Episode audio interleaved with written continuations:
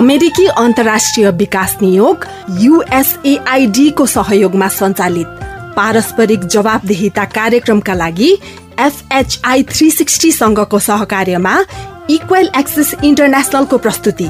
साझा बोली रेडियो बहस।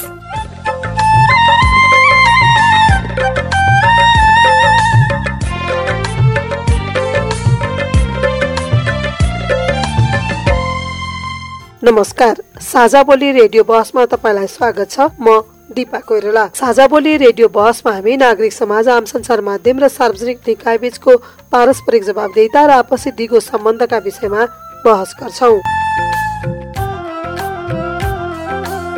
पारस्परिक जवाबदेताका विभिन्न सवालमा रहेर छलफल गरिने रेडियो बहसको यो स्थानीय संस्करण हो। आजको साझा बोली रेडियो बहस रेडियो भेरी एफएम अन्ठानब्बे थप्लो छ एक सय दुई थप्लो सात मेगाहरले उत्पादन गरेको हो। यो कार्यक्रम तपाईँ दाङको स्वर्गधरी एफएमबाट पनि सुन्न सक्नुहुन्छ। साझा बोली रेडियो बहसको यस सत्रको यो स्थानीय संस्करणको उन्नाइसौँ भाग हो। झन्डै चार वर्ष अघिदेखि प्रसारण भइरहेको साझा बोली यस वर्ष रेडियो बहसका रूपमा उत्पादन तथा प्रसारण सुरु भएको हो। साझा बोली रेडियो बहसको आजको भागमा हामी महिला हिंसा विरुद्धको सोह्र दिने अभियान र यस र यसको उपलब्धिका बारेमा छलफल गर्छौँ। अब यहाँ त अगाडि बढ्छु भन्ने लाग्छ मलाई। कुखुरा पनि पालेको छु त्यहीमै फेरि। कुखुरा पालेर कहिले काहीँ चप्पल चुटे बेला त्यही कुखुरा बेचेर चप्पल लगाउँछु। के गर्ने? समस्या। कुरा चामल पनि त्यहिले किनिदिन्छु कहिले काहीँ त नपुगे बेला। साझा बोली रेडियो बहस अमेरिकी अन्तर्राष्ट्रिय विकास नियोग युएसएआईडी मार्फत अमेरिकी जनताहरूको सहयोगका कारण सम्भव भएको हो। यस कार्यक्रम भित्रका विषयवस्तु र सामग्री पारस्परिक जवाबदेहिता कार्यक्रमका एकल जिम्मेवारी हुन् र यहाँ प्रस्तुत भनाइले युएसएआईडी वा अमेरिकी सरकारको विचार प्रतिबिम्बित गर्छन् भन्ने जरुरी छैन। छलफलका लागि हामीसँग कार्यक्रममा हुनुहुन्छ वीरेन्द्रनगर नगरपालिका सामाजिक समिति संयोजक यामुना नेपाली आवास संस्थाका निशा पौडेल नवज्योति केन्द्रका जरमाया बाठा लगायत विभिन्न समस्या भोगेर आफूलाई सशक्त रूपमा समाजमा अगाडि बढाउँदै आउनुभएका महिलाहरू। छलफलको सुरुवात म हिंसा भोगेर पनि आफूलाई सशक्त बनाउँदै आउनुभएका महिलाहरूबाट गर्छु महिलाहरूको अनुभवबाट गर्छु। हजुर हजुरको नाम भनिदिनु होला अनि आफ्नो कुरा राख्नु होला बहत्तर सालबाट आफू पढ्दै अनि छोरीलाई पनि पढाउँदै र अनि मुद्दा लड्दै गरेँ मुद्दा लड्न सुरु गरेँ अनि बहत्तर सालबाट छ्यात्तर सालमा मेरो मुद्दा फैसला भयो। अब सहकारीलाई लिलाम गरेर दिएन अदालत त्यो मैले अदालतमै रोकेको थिएँ। अनि त्यहीबाट सबैले फेरि बाँडेर अलिअलि टुक्रो चाहिँ त्यो बचाउन सफल भयो। अलिकति टुक्रो बनाएर मात्रै राखेको छु। अब चाहिँ अहिले भाडामा बस्छु घरभरिहरू लिलाम भन्छ त्यो मुद्दा लड्दाखेरि त्यो समयमा पनि यहाँले धेरै कुरा सिक्नु भयो धेरै कुरा सिकेँ मैले। अनि दिदीबहिनीहरूको सहयोग अनि दिदीबहिनीहरूले हेर्ने नजर कोही दिदीबहिनीहरूले होच्याएर हेर्नुहुन्छ नबुझेकोहरूले होइन? अनि कसैले चाहिँ हौसला दिनुहुन्छ। मैले पढ पढ पढ्नुपर्छ पढेरै अगाडि बढिन्छ भनेर हाम्रो गीता दिदीले गीता कोइराला दिदीले नै हौसला दिनुभयो अनि मेरो दिदीबहिनीहरू अनि त्यसरी नै अब म मुद्दा पनि लडेँ। कहिले त रेगुलर बेसी पर्दैन त कहिले कहिले तारिक लिन आएको आइ गर्नु पर्थ्यो अझ बोर्डिङ पढाउनु पर्ने। अनि बोर्डिङमा पनि बोर्डिङको म्याडमहरूले पनि अब बिदा दिनुभयो जे सहज गराइदिनु भयो। अनि पढ्नु पनि मलाई पढ्नु मैले फेरि यहाँबाट होइन दैलेफाट पाम लगाएँ यहाँ गाह्रो भन्छ भनेर। अनि अब एउटा बाह्रको पनि इक्जाम दिन जाने बेला पन्ध्र बिस दिन बिदा बस्नु पर्थ्यो त्यो पनि स्वीकार दिनुभयो उहाँहरूले। मैले तिन हजारदेखि नै काम गरेँ। तिन हजारले पनि पुर्याएँ दानुलाई। तपाईँको अनुभवमा तपाईँसँग शैक्षिक योग्यता थियो त्यसले गर्दा पनि केही सहज भयो भन्ने अनुभव हुन्छ? नै मेरो त्योभन्दा पनि शैक्षिक त मेरो त्यो स्थगित भएको थियो भनौँ अब एसएलसी पास भएर रोकिएको थियो। म अब केही गर्न नसक्ने भन्ने अवस्थामा थिएँ। जब मलाई त्यो हिंसामा परेँ अब म हिंसाबाट कसरी मुक्त हुने म कसरी अगाडि बढ्ने भन्ने भयो। जब जब मुद्दा लड्दै अनि पढ्दै गर्दै गरेँ झन् हौसला बढ्दै झन् हौसला बढ्दै गयो। अहिले चाहिँ अब ब्याचलर पनि गरेर अब एलएलबी जोइन गर्ने भन्ने सोचमा अहिले के गर्नुहुन्छ? काम केही गर्नु अहिले उच्च सरकारी वकिल कार्यालयमा कासको काम गर्छु। मैले अब हाम्रो जनप्रतिनिधि पनि आउनुभएको छ। उहाँलाई अब के भन्न चाहन्छु भने अब हाम्रो अलिकति अब टुक्रो त जेने तेने गरेर लिए। अब हामीलाई त्यही हो एउटा बास जस्तो बनाइदिएको भए सहज हुन्थ्यो। हामी आमा छोरी बस्ने दिउँ छोरीलाई राम्रोसँग पढाउने दिएँ केही गर्ने दिएँ र अनि अब म जस्तै पीडामा भएका दिदीबहिनीहरूलाई ल पढेर केही कुरा सिकाउने अवसर पनि पाउँथेँ होइन मैले। त्यही हो मेरो भनाइ त अब हरेसै नखानु होला दिदीबहिनीहरू गर्न सकिन्छ जति पनि। अब उमेरले चालिस पुग्न थालिसके पनि पढ्छु भन्ने आँट छ अब भर्खर भर्खरको दिदीबहिनीहरू पनि हुनुहुन्छ नि उहाँहरूले त। नै पढ्दैन अब मेरो सर्वस्व भयो म गर्दैन भन्ने होइन। गर्न चाहिँ गर्नुपर्छ गर्न सकिन्छ। धन्यवाद यहाँलाई। नाम भनिदिनु होला। नमस्कार नमस्कार। सन्चुमाया चौधरी। अलि अलि माथि राख्नु माइक हजुर। नमस्कार मेरो नाम सन्चुमाया चौधरी। म चाहिँ हिंसा पीडित महिला। के चाहिँ भएको यहाँको? श्रीमानसँगै हो। हजुर। श्रीमानले के अर्को विवाह गर्नुभयो? हजुर। नानी सात महिना हुँदाखेरि ल्याउनु भएको अनि पछि छ महिना चाहिँ घरमा बसेँ अनि पछि त्यो सौटाले पुटपिट गरेपछि म चाहिँ घरमा बस्न नसकेर बाहिर माइती घर आएँ। माइती घरमा आएपछि अनि माइती घरमा पनि अब आर्थिक अवस्था कमजोर छ अनि आर्थिक अवस्था कमजोर भएर अनि अब यस्तो हुन्न भनेर अनि गीता म्याडम र नवज्योतिका म्याडमहरू हाम्रो माइती घर गएर जानुभयो। अनि माइती घर जा गएपछि अनि मलाई अब पुरा सिकाउनु भयो अनि म चाहिँ गीता म्याडमसँग आएँ। गीता म्याडमसँग आएपछि अनि कम्प्युटरमा अलिअलि सिकेँ एक दुई महिना अनि सिकिसकेपछि अब सिकेको थिएन अनि कम्प्युटर सिक्यो अनि कम्प्युटर सिके सिकिसकेपछि अनि फेरि अब मुद्दा मुद्दा गर्ने अब प्रक्रियामा लाग्यो अनि मुद्दा लडिसकेपछि मुद्दा चाहिँ फैसला भयो एक वर्षमा अनि खाना खर्चको के अरे पचहत्तर हजार पाएँ अनि आमा छोरीको चाहिँ एक एक कट्ठा पाएँ। पाइसकेपछि पुनः फेरि त्यो मेडमको अफिसमै काम गर्छु। कति वर्ष हुनुहुन्थ्यो नि त्यो मुद्दा लड्ने बेला? मुद्दा लड्ने म म? तपाईँको उमेर? मेरो उमेर उन्तिस वर्ष। उन्तिस वर्ष। हजुर। उन्तिस वर्षको उमेरमा त्यति धेरै कुराहरू चाहिँ भोग्नुभयो यहाँले। त्यो भोगाइले चाहिँ यहाँलाई अझ बलियो बनायो? हजुर बनायो। अहिले अब सजिलैसँग सबैसँग कुरा गर्न सकिने हजुर। काम गर्ने। अहिले कम्प्युटरमै बसेर काम गर्ने काम गर्छु सजिलै छ अहिले। सजिलो। हुन्छ नाम भनिदिनु होला यहाँको। नमस्ते मेरो नाम निर्मला बास्तला। चौकुने गाउँपालिका वार्ड नम्बर आठ। म घरेलु हिंसा प्रभावित महिला हो। घरेलु हिंसामा धेरै जति भोग्नु पर्ने समस्याहरू एकदमै भोगेँ। छोरी जन्मेकै कारण पनि हिंसा भयो दाइजोको कारण पनि हिंसा भयो अनि हरेक कुराको हिंसा भएपछि अनि मेरो पाठेघरको समस्या एकदमै भयो पाठेघरको समस्या भएपछि धेरै बढी भएर सहन नसकेपछि अनि त्यसपछि इलाका प्रहरी बाब्यचरमा अनि तिनवटा बच्चा उहाँहरूले हामी हेर्छौँ अनि उपचारको लागि जाने केही समय भनेर म इलाका प्रहरी कार्यालय बाब्यचरबाटै गएँ। त्यसपछि एक दुई महिना ढिलो भएको भए पाठेघरमा क्यान्सरको समस्या चितवन पुगेँ अनि एकदमै ढिलो गर्नुभयो तपाईँले भनेर भनेपछि अनि औषधि दिनुभयो तिन महिना बेड रेस्ट गरेँ। बेड रेस्ट गर्दा गरिसकेपछि अलि केही सहज भएपछि अनि मैले त्यहाँ ब्युटी पार्लरको लागि फर्म भरेको थिएँ। अनि फर्म भरेपछि मेरो पहिलो नचोटि नै नाम निस्क्यो त्यहाँ। अनि त्यसपछि नाम निस्केपछि अब सिक्छु त उपचार पनि गर्छु हल्का काम हो सिक्दै गर्छु भनेर सिक्दै गर्दै थिएँ। त्यसपछि छोराछोरी कहाँ छन् त भनेर बुझ्दाखेरि छोराछोरी अनाथ आश्रम चितवनमा लगिएको रहेछ। अनि त्यसपछि म बुझ्न गएँ। बुझ्न गएपछि भेट्न जाँदा बच्चाले पनि आमा नचिन्ने छोरीहरूले पनि रोएर हैरान गर्ने अनि उनीहरूलाई त बस्न खाने गाह्रो भएको अवस्था। त्यसपछि अनि मसँग त कोठामा खाने पनि भएन दिदीसँग गएर घरबाट बाहिर निस्किएपछि चाहिँ सहयोग पाइँदो रहेछ। मलाई अहिले यस्तो लाग्छ अहिले एकदमै सहयोग मलाई यति राम्रो यति फलिफाप भएको छ। ल मलाई घर घर छोडेर फलिफाप भएको छ अहिले जस्तो लाग्छ मलाई तपाईँ पछि कसरी काममा लाग्नुभयो काममा लाग्ने क्रममा मलाई एकदमै गाह्रो भएको थियो। अनि त्यसपछि त्यतिखेर खानै नपुग्ने अवस्था भएपछि भाडामा बस्थेँ। भाडामा बस्दाखेरि यस्तो यस्तो समस्या छ। एउटा नानीलाई उसको बच्चा पनि धेरै छन्। ती तिनवटा बच्चा दुइटी छोरी एउटा छोरा हो मेरो अनि समस्या छ भनेपछि एउटा अध्यक्षज्यूले मलाई नदेखेरै उहाँले अनि ल हुन्छ त उसको बच्चा रहेछ उसलाई समस्या छ भनेपछि दिदीले त्यहाँ उहाँसँग कुरा पुर्याउनु भयो दाईलाई पनि। अनि मेरो मैले हेरेको छु केस उहाँको एकदमै जटिल छ खाना मैले दिएको छु। मैले दिएको खाना खाइरहनु भएको छ नवज्योतिले दिएको खाना खानु भएको छ उहाँलाई गाह्रो छ भन्नुभयो। अनि त्यति भनिसकेपछि अनि ल हुन्छ त भनेर काम गर्न थालेँ। काम गर्दै जाँदाखेरिमा त्यो अध्यक्ष भएर जानुभयो। उहाँ गएपछि उहाँहरूले ड्रेसको व्यवस्था उहाँले नै गरिदिनु भयो। म एकदमै सेफ छु अहिले ड्रेस लगाएर हिँड्दा किनभने हेर्ने नजर त्यो बुलबुले भनेको एकदमै सेफ छ कि मलाई यो कपडा? म शनिबार मात्रै लगाउन शुक्रबार पनि लगाएर जान्छु म सबको लागि लगाउँछु। कसैले नराम्रो भन्न सक्दैन। पहिला पहिला सुरुमा गेटमै पुग्दाखेरि कहाँ जाने घुम्न म पनि जाने भन्थे बाटोमा हिँड्दा भने। तर ड्रेसले मलाई यति इज्जत राखेको छ मलाई धेरै धन्यवाद छ। त्यसपछि मलाई बस्न खान एकदमै समस्या भयो क्वार्टरको व्यवस्था गरिदिनु पर्छ आफ्नो आफन्त बाउ भन्दा पनि मलाई अहिले अहिले चाहिँ तपाईँ बच्चाहरू पालिरहनु हजुर तिनटै बच्चा मसँग छन्। श्रीमानले खाना खर्च पनि छैन। दुइटी दुइटा नानीको दुइटी एउटा अहिले जुन छोरीलाई एउटी छोरी जन्मी दोस्रो सन्तान जन्मिँदा बित्तिकै मलाई घरेलु हिंसा भयो छोरीकै जन्मेको कारण कोही नबोल्ने। तर अहिले त्यो छोरी एसएसमा नाम निकाली कान्छी छोरीले। सङ्घ संस्था नै दिदीबहिनीको लागि एकदम डह्रो हो जस्तो लाग्छ मलाई। मैले एकदमै भोगेको कुरा। अनि एक्लोपनको मलाई महसुस छैन। छोराछोरी छन् दिदीबहिनीहरू हुनुहुन्छ सबै सबै कुराले तपाईँ सक्षम हुनुभएको छ।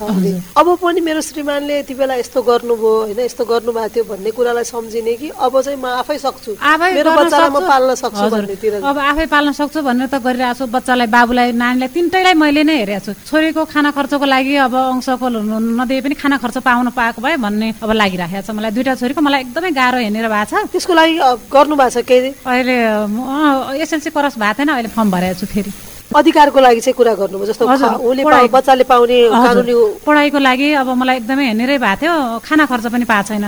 ब्यागहरू ड्रेसहरू अनि पोहोर त अझै चामल महिना महिना यो दसैँको बेला दिने अनि त्यसपछि लकडाउनको बेला पनि उहाँहरूले नै पाल्नुभयो उपचार खर्च पनि उहाँहरूले गरिदिनु भएको छ। म बिरामी भयो भने आज सिटर जा अब चाहिँ तपाईँलाई के लाग्छ नि? जस्तो समस्या छ भनिरहने कि अब म अब यहाँभन्दा अगाडि कसरी बढ्न सक्छु भनेर जाने? अब यहाँ त अगाडि बढ्छु भन्ने लाग्छ मलाई। कुखुरा पनि पालेको छु त्यहीमै फेरि। कुखुरा पालेर कहिले काहीँ चप्पल चुटेको बेला त्यही कुखुरा बेचेर चप्पल लगाउँछु। के गर्ने समस्या? कुरा चामल पनि त्यहिले किनिदिन्छु कहिले काहीँ त नपुगेको बेला।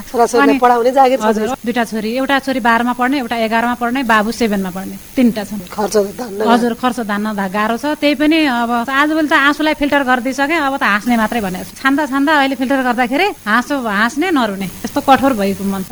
आवास संस्थाबाट हुनुहुन्छ हामीसँग। यहाँहरूले लामो समयदेखि त्यसैको उपलब्धि यहाँ अहिले हामीले कुरा सुनिरहेछौँ त्यो पनि एउटा उपलब्धि हो पछिल्लो समय हेर्दाखेरि यस्ता अभियानहरूले हामीले गरेका कामहरूले महिलाहरूलाई सशक्त बनाउन केही भूमिका खेलेको जस्तो महसुस गर्नुहुन्छ धन्यवाद नमस्कार। जस्तो चाहिँ अब पहिलेको परिवेशमा यहाँ धेरैजना दिदीबहिनीहरू जो चाहिँ सेवा गराइ नै हुनुहुन्छ जस्तो चाहिँ उहाँहरूले लिएको सेवाको बारेमा पनि उहाँहरूले धेरै कुरा जानकारी चाहिँ दिनुभएको छ। त्यो सँगसँगै पहिलाको अवस्था भन्दा अहिलेको अवस्थामा धेरै कुरा परिवर्तन भएको कुरा चाहिँ हामीले महसुस गरेका छौँ। जस्तो पहिला पनि हजुरको एउटा घर परिवारको कुरा भनेर कसैले सम्बोधन नगर्ने कुरा अब कानुनले पनि तपाईँको सम्बोधन नगरेको कुराहरू जस्तो घरेलु हिंसाकै कुरालाई पनि हजुरको चाहिँ दुई हजार छैसठी सालभन्दा अगाडि त सम्बोधन गरेकै थिएन। अनि यो ल्याउनको लागि पनि महिलाहरूले चाहिँ यिनी कुराहरूलाई उठाएर यसरी चाहिँ सबभन्दा पहिला त मलाई आजभोलि चाहिँ ठुलो परिवर्तन भनेको के लाग्छ भने मेरो अधिकार हनन भएको छ। मैले चाहिँ यो अधिकार पाउनुपर्छ भनेर सचेत हुनुहुन्छ के? सबभन्दा ठुलो कुरा चाहिँ जस्तो अहिले चाहिँ हजुरको धेरै मिडिया मार्फत भयो त्यसपछि समूह सञ्जाल सङ्गठन उहाँहरूले पनि यो महिलाको कुरालाई धेरै कुरालाई चाहिँ सम्बोधन गर्नुहुन्छ र त्यो सँगसँगै अहिले चाहिँ स्थानीय तह छ। स्थानीय तहले पनि महिला मैत्री वातावरणको कुरा महिला लक्षित कार्यक्रमको कुराहरू भयो। महिलालाई कसरी उहाँहरूलाई इम्पावर बनाउने भन्ने खालको क्रियाकलापहरू चाहिँ गरिरहेको अवस्था छ। र त्यो सँगसँगै अर्को कुरा त महिला अधिकारको कुरालाई भनेर चाहिँ जुन कानुनले सम्बोधन गरेका छ कि अहिले कानुनले सम्बोधन गरेको कुराहरू छ। अब कार्यान्वयनका पक्षहरू त केही कुराहरू अब कमी कमजोरी छन् कार्यान्वयनको कुरामा। तर नि पहिलाको तुलनात्मक रूपमा चाहिँ अहिले चाहिँ धेरै कुराहरू चाहिँ राम्रो भएको छ। अनि समस्या हो। यसमा चाहिँ मैले मेरो अधिकार खोज्नुपर्छ भन्ने कुरा चाहिँ अहिले मैले अहिले चाहिँ त्यो महिला दिदीबहिनीमा चाहिँ सचेत छ कि? त्यो चाहिँ मेरो अधिकार हनन भयो। मैले चाहिँ यो कुरा सहेर बस्नु हुँदैन होइन? म चाहिँ रिपोर्टिङ गर्नुपर्छ। र रिपोर्टिङ गर्दा पनि कसरी जाने कहाँबाट जाने भनेर त्यो सबै एउटा निकायको व्यवस्थापन छ नि त। जस्तो अहिले हामी चाहिँ यसो हेर्दाखेरि त सरकारी पक्षबाट चाहिँ हजुरको स्थानीय तहको कुरा गर्दा न्यायिक समिति छ होइन? ओडा छ। ओडामा पनि हजुरको चाहिँ महिला जनप्रतिनिधि हुनुहुन्छ। अनि उहाँहरूलाई कुराकानी गर्नलाई सजिलो। अनि त्यसपछि गएर न्यायिक समितिले पनि गर्ने प्रक्रिया प्रोसेसका कुराहरू सहयोग गर्ने कुरा भयो। त्यसै गरेर अब प्रहरीमा पनि हजुरको सबै ठाउँमा एकजना महिला उहाँहरूको कुराकानी सुन्ने तालिम प्राप्त महिला नै राख्ने व्यवस्था गरेका छ होइन? र महिला तथा बालबालिका सेवा केन्द्रको व्यवस्था गरेका छ होइन? त्यसै गरेर अब हजुरको अब त्यस्तो व्यवस्थापन सबै ठाउँमा त्यसरी गरे भएर उहाँहरूलाई यसरी गएर चाहिँ आफ्नो कुराहरू राख्न पनि सजिलो भयो। र अर्को चाहिँ जस्तो चाहिँ अहिले हजुरको चाहिँ अब त्यस्तो खालका समस्याहरू भयो भने महिला दिदीबहिनीहरूलाई सपोर्टको लागि भनेर जिल्ला अदालतले पनि जस्तो कुनै पनि समस्यामा त्यस्तो असहायको लागि भनेर वैधानिक वकिलको व्यवस्थापन अब जिल्ला कानुनी सहायता समितिको कुराहरू भयो बार एसोसिएसनको कुराहरू भयो होइन? यो पनि विभिन्न उहरू चाहिँ संरचनाले पनि त्यो कुराहरू चाहिँ भएको छ र सबभन्दा अहिले चाहिँ मलाई चाहिँ अधिकार हनन भएको छ अथवा म समस्यामा भए म चाहिँ यो कुरा सहन हुँदैन। मैले चाहिँ कुरा रिपोर्टिङ गर्नुपर्छ भन्ने कुराको जुन चाहिँ चेतना बढाएको छ नि त्यो असाध्य उपलब्धिको कुरा चाहिँ म महसुस गर्छु कि? जस्तो हिंसा प्रभावितका लागि भनेर इमर्जेन्सी सेफ हाउस पनि हामीले सञ्चालन गरेका छौँ त्यहाँनिर पनि अब कति समस्यामा परेको दिदीबहिनीहरू आउनुहुन्छ कि? र त्यहाँनिर आउँदाखेरि उहाँहरूको पहिला त्यहाँ चाहिँ आउनलाई भित्र पस्नलाई कुराकानी गर्नलाई उहाँहरू एकदम धकस मान्ने। अनि भित्र छिर्दाखेरि पनि उहाँहरू चाहिँ मान्छे कोही छ कि छैन बाटोमा हिँडेको मान्छे कसैले देख्छन् कि होइन? उहाँहरूको त्यस्तो भएर भित्र इन्ट्री गर्नुहुन्थ्यो भने अहिले चाहिँ उहाँहरू मजाले आउनुहुन्छ कि? अनि आफू सँगसँगै चाहिँ अरूलाई पनि समस्या भएको छ भने यहाँनिर पनि भन्नुभयो दिदीबहिनीहरूले कुराहरू होइन? त्यस्तै गरेर कसैलाई समस्या भयो भने उहाँ उहाँहरू पहिला आएर सेवा लिनु भएको छ भने यसरी सहयोग गरिदिनुहोस् न। उहाँको समस्या छ भने आफैले चाहिँ उहाँहरूले ल्याउनुहुन्छ कि? सहयोग गरिदिनुहोस् भनेर होइन? आर्थिक उपार्जनको काममा कतिको हुनुहुन्छ नि? महिलाहरू पछिल्लो समय? अहिले पछिल्लो समयमा त पहिलाको तुलनामा चाहिँ एकदम आय आर्जनको कुरामा पनि जस्तो अब सिलाइ कटाइको कुराहरू हेर्नुहुन्छ महिलाहरूले सञ्चालन गर्नु भएको छ व्यापार व्यवसायको कुराहरू नि गर्नु भएको छ जस्तो कृषिमा पनि महिलाहरूकै उहाँहरूको चाहिँ योगदान छ उहाँहरूले गरिराख्नु भएको छ होइन? कुनै ठाउँमा चाहिँ तपाईँको अहिले विभिन्न खालका चाहिँ अब एउटा फ्याक्ट्रीहरू केही खोल्या छ भने त्यहाँ महिलाहरू हुनुहुन्छ। अनि अर्को कुरा चाहिँ पहिलाको तुलनामा अहिले चाहिँ जस्तो बजारमा व्यापारीहरूमा चाहिँ काम गर्ने स्टाफको कुरा हेर्नु न। पहिला चाहिँ हामीले महिलाहरूलाई चाहिँ त्यो स्टाफ देख्थेनौँ। अहिले उहाँहरूको पनि त्यहाँनिर चाहिँ सहभागिता भएको छ। त्यो सँगसँगै अझ पहिला त्यो आर्मी प्रहरीहरूमा सेनाहरूमा आर्मीहरूमा चाहिँ महिला भर्ना गर्ने तल थिएन नि त। अहिले त्यो एकदम राम्रो सकारात्मक पक्ष भयो कि? उहाँहरू महिलाहरूले त्यहाँ भर्ती हुने निश्चित एउटा कोटाको व्यवस्थापन गरेका छ। महिलाको यति लक्षित कोटाहरू चाहिँ यो हुनुपर्छ। त्यसमा पनि अझ गएर दलित महिलाको कोटा होइन? अनि मुस्लिम मधेसी भनेर चाहिँ त्यसरी छुट्टा छ नि त जनजाति। अझ जनजातिमा पनि महिला त्यो त अब धेरै पहिलाको संरचनालाई हेरेर अहिले चाहिँ परिवर्तन भएको छ। तर अब कानुन कार्यान्वयनका पक्षका कुराहरू त केही गर्न बाँकी होइन अझै फुलफिल गर्न चाहिँ बाँकीको अवस्था चाहिँ छ। कार्यक्रम साझा बोलीमा हामी महिला हिंसा विरुद्धको सोह्र दिने अभियान र यसको उपलब्धिका बारेमा छलफल गरिरहेका छौँ। कार्यक्रममा अझै हामी यस्ता अभियानहरू मनाइरहँदा हामीले कति उपलब्धि हासिल गर्यौं त भन्ने विषयमा छलफल गर्नेछौ। कार्यक्रम सुन्दै गर्नुहोला।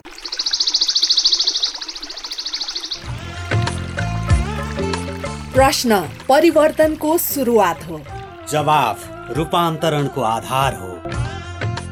प्रश्न आविष्कारको जननी हो। जवाफ सुशासनको परिणाम हो। त्यसैले प्रश्न सोधौं जवाफ खोजौं। तपाईँले हामीलाई पैसा नलाग्ने नम्बरमा फोन गरेर आफ्ना कुराहरू भन्न सक्नुहुन्छ। एनसेल प्रयोग गर्नुहुन्छ भने अन्ठानब्बे शून्य पन्ध्र एकहत्तर शून्य उन्तिसमा फोन गर्न सक्नुहुन्छ। एनटिसी प्रयोग गर्नुहुन्छ भने सोह्र साठी शून्य एक शून्य शून्य चार पाँच नौमा फोन गर्न सक्नुहुन्छ।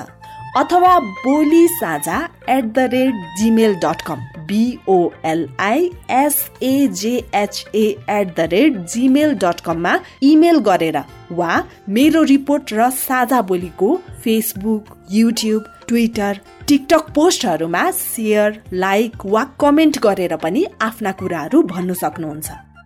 पारस्परिक जवाफदेहिताका लागि प्रश्न सोधौं जवाफ खोजौं। साझा बोली रेडियो बहस। तपाईँ अहिले पारस्परिक जवाबदेता प्रवर्धनका लागि साझा बोली रेडियो बहस सुन्दै हुनुहुन्छ। कार्यक्रममा हामी महिला हिंसा विरुद्धको अभियान र यस्ता अभियानहरूले ल्याएका उपलब्धिका बारेमा छलफल गरिरहेका छौँ। छलफलमा हामीसँग वीरेन्द्रनगर नगरपालिकाका सामाजिक समिति संयोजक यामुना नेपाली आवास संस्था सुर्खेतका निशा पौडेल नवज्योति केन्द्र सुर्खेतका जरमाया बाठा लगायत विभिन्न समस्याबाट पीडित भएर आफ्नो जीवनलाई सहज बनाउँदै गर्नुभएका महिलाहरू सहभागी हुनुहुन्छ। कार्यक्रममा अब हामी पटक पटक सञ्चालन भएका यस्ता अभियान ज्ञान र सचेतनाले महिलाहरूलाई कति छुन सकेको छ त उहाँहरूका अनुभव सुन्छौ। हजुर नाम भनिदिनु न हजुरको। मेरो नाम दुत्कली बुढा हो। बस्ने गुप्तिवर हो होइन? म पनि हिंसा पीडित हो जुम्लाको मान्छे हो पहिला। धेरै भयो आएको धेरै भयो आएको अनि म हिंसा पीडित पनि होइन? तर मैले श्रीमानले शब्दले होइन? म रोगी थिएँ मुटुको रोग छु होइन? मुबाट चार छोरी भए होइन? छोरो भएन भने अकिले होइन? ठिक छ भने म पनि सहमति भएँ होइन? किन अहिले ठिक छ भने म छोरो पाइनँ भनौँ ठिक छ भने म रोक्छु डुब्छु भने आफ्नै बहिनी आएको पाउनुभयो पछि श्रीमानबाट तपाईँले? तिन कठा उल्लोको तिन कठा मूल्य होइन? छ मिटरको घरले थियो अनि अर्को छ मिटरको थियो होइन? छ मिटर आफू लगो सात मिटरको होइन? छ मिटरको पाँच मिटरको मलाई दियो होइन? जग्गा पनि पाएँ। तर पढाइ खर्च केही दिएन मसँग चार छोरी छन्। अहिले तपाईँ श्रीमानसँग अलगै हुनुहुन्छ? अलगै छोरीहरूसँग। हुनुहुन्छ? मैले पालेर बसेको मुटुको काम गर्न पनि सक्दिनँ त्यति अनपढ छु जुम्लाट आएको धेरै भइसक्यो। जुम्लाको मान्छे सुर्खेत आउनुभयो समस्या भयो सबै ठाउँ जानुभयो सबैलाई भेट्नुभयो होइन? सब गरियो अनि सब गरेँ जुम्लाको मान्छे मेरो जुम्ला भुगाको ठाउँ गाविस हो होइन? मेरो नाम बुढा त्यस्तै गरी लड्दा लड्दा पछि एक वर्ष ठ्याक्कै लाग्यो रहेछ जस्तो लाग्छ नि महिलाहरू? महिलाहरू पढेको लेखेको हुनुपर्दो रहेछ। धेरै आफ्नो खुट्टा उभिएको हुनुपर्दो रहेछ होइन। तर कसैले लगाउन पाउने रहेनछ अनपढ भयो कुमका छैन। अब हामीले के गर्छौँ भने म्याडम दारू ल्याउँछौँ स्याउ ल्याउँछौँ। स्याउ ल्याउँ हाली ल्याउँ दारू ल्याउँ बारी ल्याउँ अनपढ छौँ। अनि घाँस काट्छौँ बाघले खाइहाल्छौँ। तैँले म्याडम के गरे भन्छन् होइन? धम्काउँछन्। धम्काउँछन्। श्रीमानले पैसा ल्याउँछ ओ रानी मैले पैसा ल्याए भन्छ होइन। सबभन्दा जागिर खाएको हुनुपर्ने रहेछ। जागिर खाएको भयो अनपढ भयो आफ्नो खुट्टा उभिए भयो त्यस्तै लगाउन पाउँथ्यो होला होइन। अब काम गर्दा गर्दा जुन छट पाइएन नि। खाना खर्च केही पनि दिएन। अंश मात्रै ल्याउँ एक पनि रुदा रुदा ल्याउँ धद्द नमजा मिलेर अहिले त आफ्नो खुट्टा उभिएको छु। ठिक छ अहिले। पढाइ खाँदा सबै दिन एउटा बाह्रमा पढ्छ एउटा नौमा पढ्छ। आफ्नो कुमा छैन म्याडम त्यही म त अनपढ भयो छोराछोरी पढ्न पाइदिए लेख्न पाइदिए त्यही छ। अब सिङ्गन छ त केही छैन गएँ माया। अर्का छोरो के गर्न सक्छ काट्न पनि सक्छ मान्न पनि सक्छ होइन? कारण कि पाल्ने बस्ने त्यति नै छ। यति केटाकेटी पढाउनु भइदियो कि जागमा लाग्दा भइदियो अब जस्तो नभइदियो भने त्यसको त आउँछ। अरू नै ठिक छ धन्यवाद। नमस्ते सबलाई धन्यवाद। केही कुरो भुल भयो कि होइन? तर यति बोल्ने भयौँ यति नम्बरसम्म आयो नमस्ते गर्दाखेरि माइती घर भइदियो र हाम्रो सारा कसैले दिउँ न यति नम्बर सारा दिउँ म्याडमले सबले। छोरी पनि अहिले सशस्त्र भएको छ जेठी छोरी कथिन तालिममा पढेको छ घर आएको छैन। काठमाडौँ छ। यति हाँसी खुसी छु। नमस्ते पाइले टेकेर हाँसी खुसी नै भएको जागिर खुवाउनु जाहिर खाउँ नमजाले सार गरिदियो दिएर सिलाइदियो अनि काप किताब त्यहीँबाट दियो झोला दियो सब खाने खर्च पनि दियो। केही पनि थिएन। अब अरू पछाडिका छोराछोरीलाई छोरीहरूलाई पढाएर जागिर खुवाउनु भयो। खाउनु पर्यो त्यस्तै दुःख सुख गरेर बाख्रा पालेर हुने कहीँबाट सहयोग चेष्टाले सग गरिदियो हुने कहीँबाट गरेर जस्तो जुवाड गरेर पढाउनु पढाउँ अनि आफू अनपढ भयो म्याडम।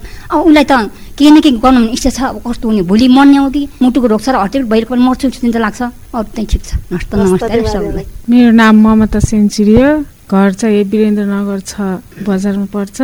अनि जब म अनि यो वैवाहिक जीवनमा बाँधिन पुगेँ त्यहाँदेखि मेरो दुःखका दिनहरू सुरु भए। अनि त्यो- त्यस्तै धेरै जस्तो घर घरबाट अनि नन्न सासु ससुरा अनि श्रीमानबाट धेरै म पनि हिंसा घर परिवारबाट हिंसा श्रीमानदेखि लिएर सबैबाट हिंसा पीडित महिला हो। अनि त्यो जब के भएन परिवारले यो नराम्रो छ अनि चाहिँ अब उनीहरू अब गोरो अनि ऊ त्यो तसँग सुहाउन्न तेरो जोडा सुहाउन्न घरमा सुहाउनी लिएर आइज भनेर भन्ने। आफै विवाह गर्नुभयो?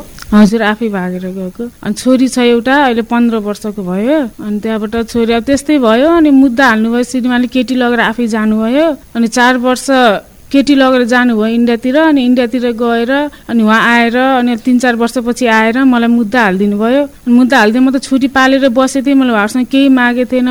मैले छोरीलाई आफै दुःख सुख गरेर पढाइ लेखाइ गरेको थिएँ छोरीलाई बोर्डिङमा पढ्छ छोरी अहिले नौमा। त्यस्तो गरेर पढाइरहेको थिएँ मुद्दा हालिदिनु भयो एक्कासी।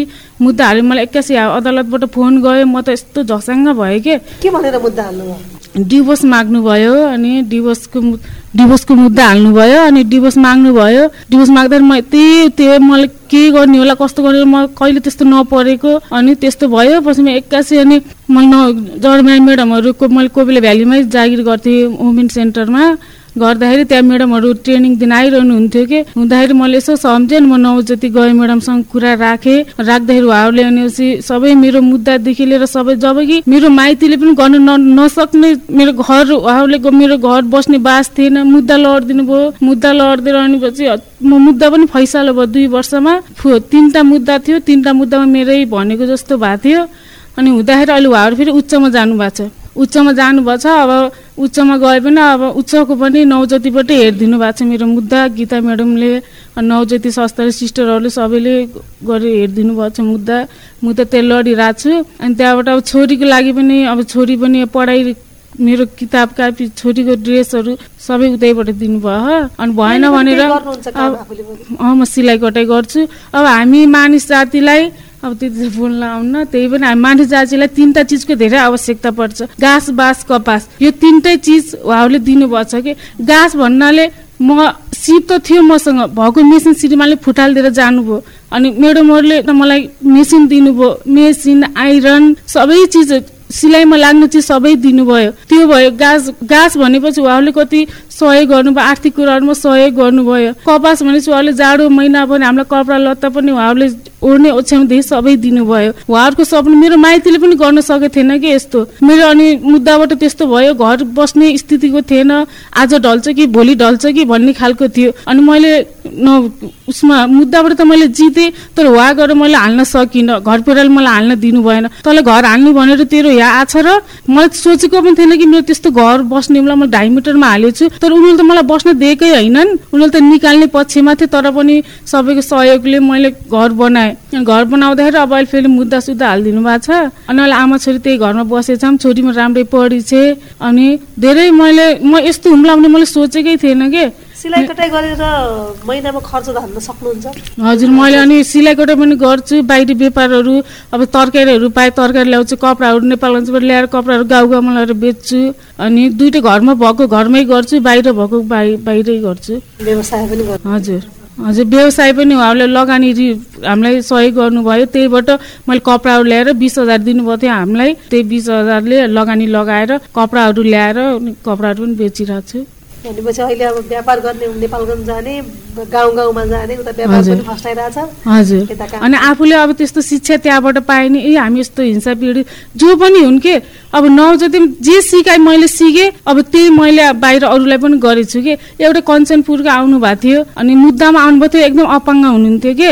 म पनि अदालतमा मेरो तारिक पर्थ्यो र गथेँ बिचरा एउटा झोला सामान दिएको उहाँले घरकै त्यो प्लाजु र अनि टी सर्टसँगै आउनुभएको कि मुद्दा तारिक थाम्न। अनि न मैले उहाँलाई चिनेको न केही गरेको। मैले केही म चिन चिनेको पनि नै उहाँलाई। पछि यस्तो हुन्थ्यो हिँड्नै पनि नसक्ने स्थितिको हुनुहुन्थ्यो कि? घर लैच रहेछ यता मेलकुना कि लेखपर्सातिर रहेछ। पछि उहाँ आउनुभयो अब त्यो तारिक उहाँको त्यो भएन कि? अर्को पछि नआएर। उहाँ त्यही दिनमा तारिक लाएर फर्किने भन्ने थियो। पछि उहाँलाई नभएर अनि मैले उहाँ रुनु भयो कि? फोनमा किन आइनिस् किन यस्तो गरिनिस् भने आफ्नो श्रीमान लागि कोस कोसलाई रुनु भयो म कहाँ बसौँ म के गरेँ? म कञ्चनपुरको मान्छे या त उहाँको कोही आफ्नो थिएनन् होला। मसँग पैसा पानी पनि छैन तैँले किन मलाई यस्तो गरिस् मैले रोको मैले सुने के? सुन्दाखेरि मैले के भयो बहिनी भने उहाँलाई यस्तो यस्तो भने हिँड्नु न त अनि हाम्रै गएर जाम। तपाईँ म जस्तो तपाईँ त्यस्तै हो। अनि हिँड्नुहोस् किन अप्ठ्यारो मन तपाईँलाई जति दिनसम्म बस्नुहुन्छ भने बस्नुहोस् मेरो। म पनि त्यति बेला माइतीमै बस्थेँ। तर पनि मैले कसैको डर भयो नमानेर मैले उहाँलाई लगेँ कि मैले नौ जतिबाट जस्तो शिक्षा पाएँ म मेरो दुःख आपत पर्दाखेरि उहाँहरूले मलाई त्यस्तो सिकाउनु भयो। त्यही तरिकाले मैले आफूलाई आफूले सिकेको कुरा मलाई अरूलाई पढेकोलाई अरूलाई दुःख कष्टमा पढेकोलाई मैले हेरेँ कि। हो त्यो जे सिकायो त्यो धेरै राम्रो छ अहिले त। अब केही छैन फेरि पनि मुद्दा छ। अब यो मुद्दा पनि राम्रो होस् त्यही। धन्यवाद कसरी हेर्नुहुन्छ? प्रत्येक वर्ष महिला हिंसा विरुद्धको दिवस पनि मनाउँछौँ महिला दिवस पनि मनाउँछौँ होइन? दिवसहरू सँगसँगै अब यहाँहरू आफै पनि अभियानमा हिँड्नु भएको छ। उपलब्धि चाहिँ के भयो भनेर हेर्दा कसरी हेर्नुहुन्छ? धन्यवाद। सङ्घर्षबाट के अरे एउटा सफलतामा आएको दिदीबहिनीहरूको कुरा पनि सुने। उपलब्धि चाहिँ धेरै नै उपलब्धि भएको महसुस गर्छु। किनभने दस वर्ष अगाडि सम्बन्ध विच्छेद गर्न जाँदा पुरुषले गर्न गयो भने तैँले पति भराउनु पर्छ। है भनेर महिलाहरू बाध्यतावश के अरे एउटा डोरी लगाएर झुन्डिनु पर्ने भेरीमा गएर हाम फाल्नु पर्ने एउटा के अरे दबाई खाएर मर्नुपर्ने अवस्था थियो भने अहिले चाहिँ उहाँहरू आफै भित्र यो चाहिँ मेरो अन्याय हो। म माथि भएको एउटा एकदमै घोर मानव अधिकारको उल्लङ्घन घटना हो। अब म चाहिँ सम्बन्धित निकायमा गएर न्याय पाउनुपर्छ है भन्ने जुन भएको छ। र अर्को यो अलिकति सहरिया इलाकामा चेतनाको विकास छ रेडियो छ सञ्चार छ विभिन्न प्रकारका सङ्घ संस्था छन् तालिम छ। अलिकति दूरदराजमा जाँदा त फेरि महिलाको अवस्था त्यही नै छ कि? यहीँ मात्रै अस्ति मात्रै म यो के अरे बडिजरको अलि उतापट्टि चेपाङमा गएँ है। त्यहाँनिर अझै पनि कानुनको चेतना चाहिँ एकदमै कमजोर छ। महिलाहरू एकदमै रोएरै बस्नु परेको अवस्था छ। यो चाहिँ अब के गर्नुपर्छ भनेपछि मैले आफूलाई महसुस भएको कुरा त अझै दूरदरामा के? अझै त्यो कानुनको चेतना नपाएको ठाउँमा गएर पनि यो चाहिँ हामीले सूचना गर्नुपर्छ हाम्रो दायित्व हो जस्तो लाग्छ। र आम संसारबाट पनि अब गीत मार्फत हुन्छ कि जस्तो तपाईँको जिङ्गल मार्फत हुन्छ कि अलिकति चेतनामूलक गाउँ गाउँसम्म पुर्याउनु। पर्छ भन्ने लाग्छ। र दोस्रो कुरा के लाग्छ भने मलाई जस्तो उहाँहरूको मुद्दामा डोर्यायौँ मुद्दा पनि हामीहरूले लगभग सहयोग गऱ्यौँ। अब स्थानीय निकायको म्यामहरू पनि आउनु भएको छ र स्थानीय निकायको सरकारलाई पनि मेरो के अनुरोध भनेपछि एउटा सामान्य निवेदन लेख्नलाई पनि दुई हजार पच्चिस सय लाग्छ। होइन? अधिवक्ताज्यू यहीँ हुनुहुन्छ। कम्तीमा पनि पाँच हजार अ, निशाजीले भन्नुभयो कम्तीमा नि पाँच हजार लाग्छ। ऊ छटपटाइरहेको हुन्छ पीडाले रात दिन कहाँनिर गएर हाम फालेर मर्ने भनेको हुन्छ। उसँग त्यो आर्थिक नभएको कारणले गर्दा ऊ कहिले पनि न्याय पाउन सक्दैन। यदि साँच्चीकै त्यो भिक्टिममा परेको छ तथ्य कुराहरू पत्ता लगाइसकेपछि त्यस्तो खालको प्रभावितलाई चाहिँ अलिकति लिगल कानुनी सहयोग पनि चाहिन्छ र उहाँहरूलाई पुनर्स्थापना भइसकेपछि पनि मैले महसुस गरेको कुरा दिपाजी के अरे पुनर्स्थापना त भयो। जेने तेने अब अलिअलि केही अंशहरू छ भने त पायो। त्यो पनि छैन भने भनौँ न कानुनी न्याय त पायो। अब आगामी दिनमा झनै चुनौती। उहाँहरूलाई चाहिँ? कहाँ जाने के गर्ने एक त अलिकति भिक्टिम भयो भने आफन्तैले पनि हेर्दो रहेनछ। हामीले महसुस गरेको कुरा। आफन्तैले पनि कस्तो कस्तो न एकदमै नेग्लेक्ट गरेको जस्तो। झन्झट हुन्छ लाज भयो समाजमा अहिले इज्जत धानेर बस्न सकिन भन्ने खालको प्रतिशतात्मक सोच जडो गारेर बसेको छ। दोस्रो कुरा त्यस्तो खालको भिक्टिमहरूलाई स्थानीय सरकारले पनि पहिचान गरेर उहाँहरूलाई आय आर्जनतिर के? सिप विकासतिर चेतनाले मात्रै पुगेन अब। उहाँहरूलाई कसरी पुनर्स्थापना गराउने त? त्यस पछाडि दिनमा झनै जोखिम देखिएको अवस्था छ के? अब त्यस कारणले गर्दा उहाँहरूलाई के गर्न सक्छ के? त्यो पहिचान गरेर आय आर्जन बरु एउटा सानो तरकारीको पसल किन नहोस्? उहाँलाई थोरै त्यो सहयोग कोही साथीहरूले ड्राइभिङ गर्ला त्यसमा सहयोग। उहाँहरूलाई आफै नै जीवन कसरी निर्वाह गर्नुपर्छ भनेर यो हँसिलो अनुहारहरू हेर्नु न। नवज्योतिको ढोकामा पुग्दाखेरि उहाँहरू त्यहीँ नै ढल्नुहुन्थ्यो कि? जीवनजल कतिपटक गीता दिदी म सिस्टर मिलेर जीवनजल खुवाउँथ्यौँ। होइन तपाईँहरूको छ है नातिनुहोस् तपाईँहरूले अगाडि गर्न सक्छ भनेर। अब उहाँहरू अहिले कुनै न कुनै माध्यमबाट सफल हुनु भएको छ कि? त्यो के भनेपछि उहाँहरूलाई अलिकति आय आर्जनको सपोर्ट पनि गर्नुपर्छ। कानुनको साथसाथै कसरी सक्षम बनाउने त? चेतना सँगसँगै सच अब अब आर्थिक पाटोलाई जोड्नुपर्छ भन्ने मलाई लाग्छ। चेतना त लगभग लगभग अबको व्यक्तिहरूलाई थाहा छ। कुना कन्दरामा कुना कन्दरामा नपुगेको कुरा मात्रै मैले उठाएको। अब उहाँहरूलाई पुनर्स्थापना गर्न र विभिन्न जोखिममा पर्न नदिन। कतिपय त सम्बन्ध विच्छेद हुन्छ हेर्नु। अंश पनि पाएको हुन्न अनि बाध्यतावश कहीँ घर न घाटको हुन्छ अनि फेरि अर्को नराम्रो धन्दामा दिए व्यापार जस्तो। लागु औषध ओसार पसार जस्तो। त्यस्तोमा लाग्ने भएको भएर म विनम्र अनुरोध के गर्न चाहन्छु भने राज्यलाई नै अब त्यस्तो खालको महिलाहरूको लागि अलिकति पुनर्वास जस्तो कुरा उठाउनु भयो अनि त्यसपछि लिएर आय आर्जनको कार्यक्रम सिप विकासको कार्यक्रम भयो भने पक्कै पनि अब सबैजना त पढे लेखेर जागिरै खान्छ भन्न पनि सकिन्न। अहिलेको यस्तो प्रतिस्पर्धाको युग छ। त्यस कारणले अब व्यवसायमुखी कसरी बनाउने? त्यही कुखुरा पनि पचासवटा पाल्छ भने अब दुई सय कसरी पाल्ने? त्यो बाख्रा दुईटा मात्रै पाल्छ भने अब पचास बाख्रा कसरी बनाउने? जस्तो दुधकली बुढाले अघि भन्न बिर्सिनु भयो उहाँसँग अहिले बिस पच्चिसवटा बाख्रा छ कि? अलिकति इन्कम जेनेरेसनको सपोर्ट गरेका छौँ संस्थाबाट। म्याम बाख्रा बेचेर मैले यो किने दराज किने ग्यास किने मैले छोरीलाई भर्ना गरेँ भन्नुभयो त्यो पनि एकदम उपलब्धिको कुरा हो। त्यो परिवेश र ठाउँ हेरेर कसरी उहाँहरूलाई के अरे आर्थिक बाटोमा बलियो गराउनुपर्छ त्यो चाहिँ सोच्नुपर्छ भन्ने लाग्छ दिपाजी। तपाईँ अहिले पारस्परिक जवाबदेहिता प्रवर्धनका लागि साझा बोली रेडियो बहस सुन्दै हुनुहुन्छ। आज हामीले महिला हिंसा विरुद्धको सोह्र दिने अभियान र अभियानको उपलब्धिका बारेमा छलफल गरिरहेका छौँ। साझा बोली रेडियो बहस सुन्दै गर्नुहोला।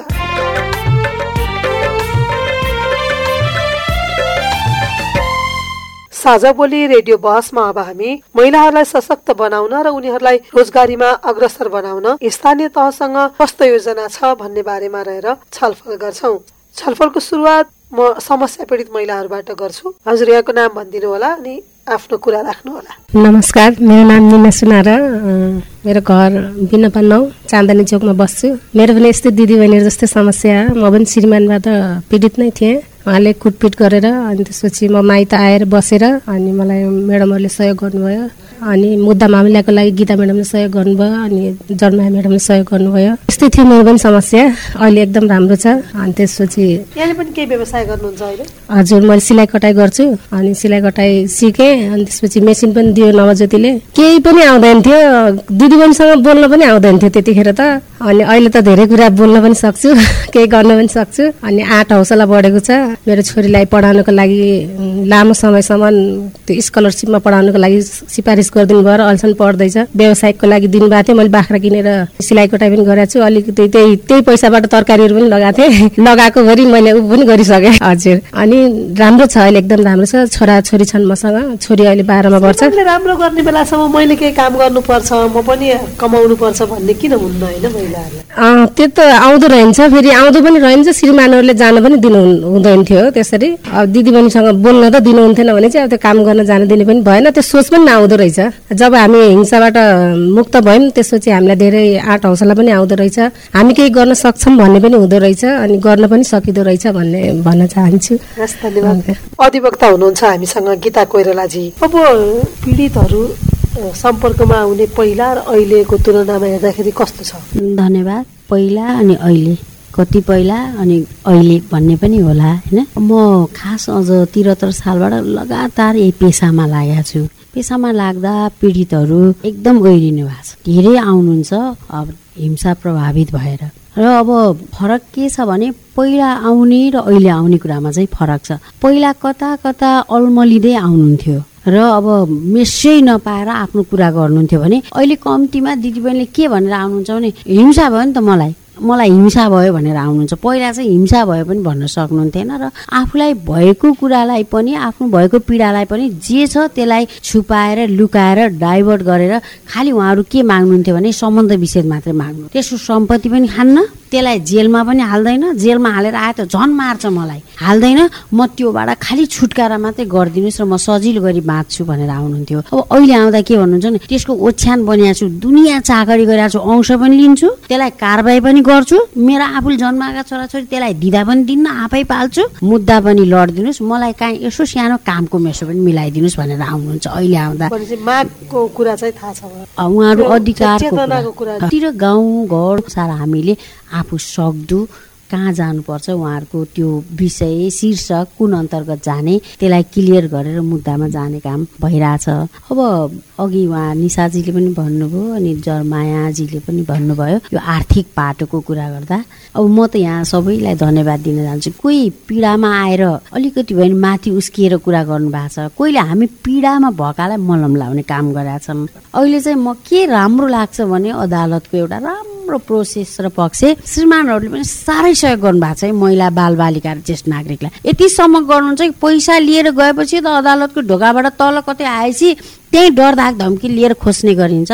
अहिले चाहिँ खाता खोल भौचर पेस गर भन्नुहुन्छ कि। असाध्यै राम्रो थियो एकदमै त्यो विकास भएको छ त्यो। हरेक कुरा खाताबाट गरिदिनुहुन्छ। त्यसले गर्दा त्यो अदालतले पनि एकदमै मर्म बुझेको मैले बुझ्छु त्यसरी।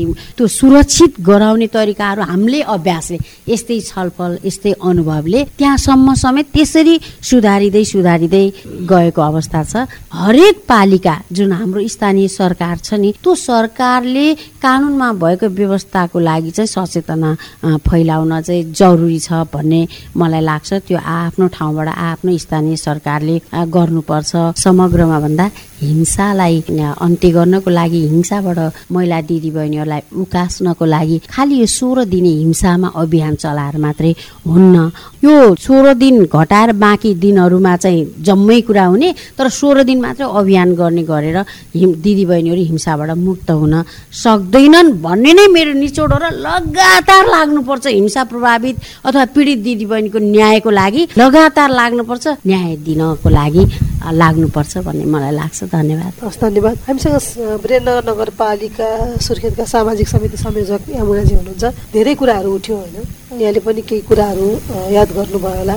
समग्रमा महिला सशक्तिकरणका लागि फेरि कि शिक्षा कि रोजगारी भन्ने कुरा आयो होइन। स्थानीय तहले यस्ता समस्या पीडित महिलाहरूका लागि उनीहरूलाई सशक्त बनाउन के रोजगारीमूलक कार्यक्रमहरू सञ्चालन गर्न सक्छ? अथवा गरिरहेछ। के छ? सर्वप्रथम त धन्यवाद। यो अन्तर्राष्ट्रिय महिला दिवस अन्तर्गत सोह्र दिने अभियानको दौरानमा उपस्थित हामी सम्पूर्ण दिदीबहिनी तथा दाजुभाइमा शुभकामना व्यक्त गर्न चाहन्छु। हामीले विगतको समय र अहिले हेर्दाखेरि एकदमै सकारात्मक परिवर्तनको सङ्केत देख्न सक्छौँ र अनुभूति पनि गरिरहेछौँ जस्तो लाग्छ। अधिवक्ता दिदी गीताजीको कुरा सुन्दा न्याय हिंसा पीडित दिदीबहिनीहरूको कुरा सुन्दा। र पक्कै पनि हामीले अब विगतको अनुभवबाट हामीलाई पनि महसुस भएको छ स्वयं हिंसा पीडित दिदीबहिनीहरूलाई पनि महसुस भएको छ।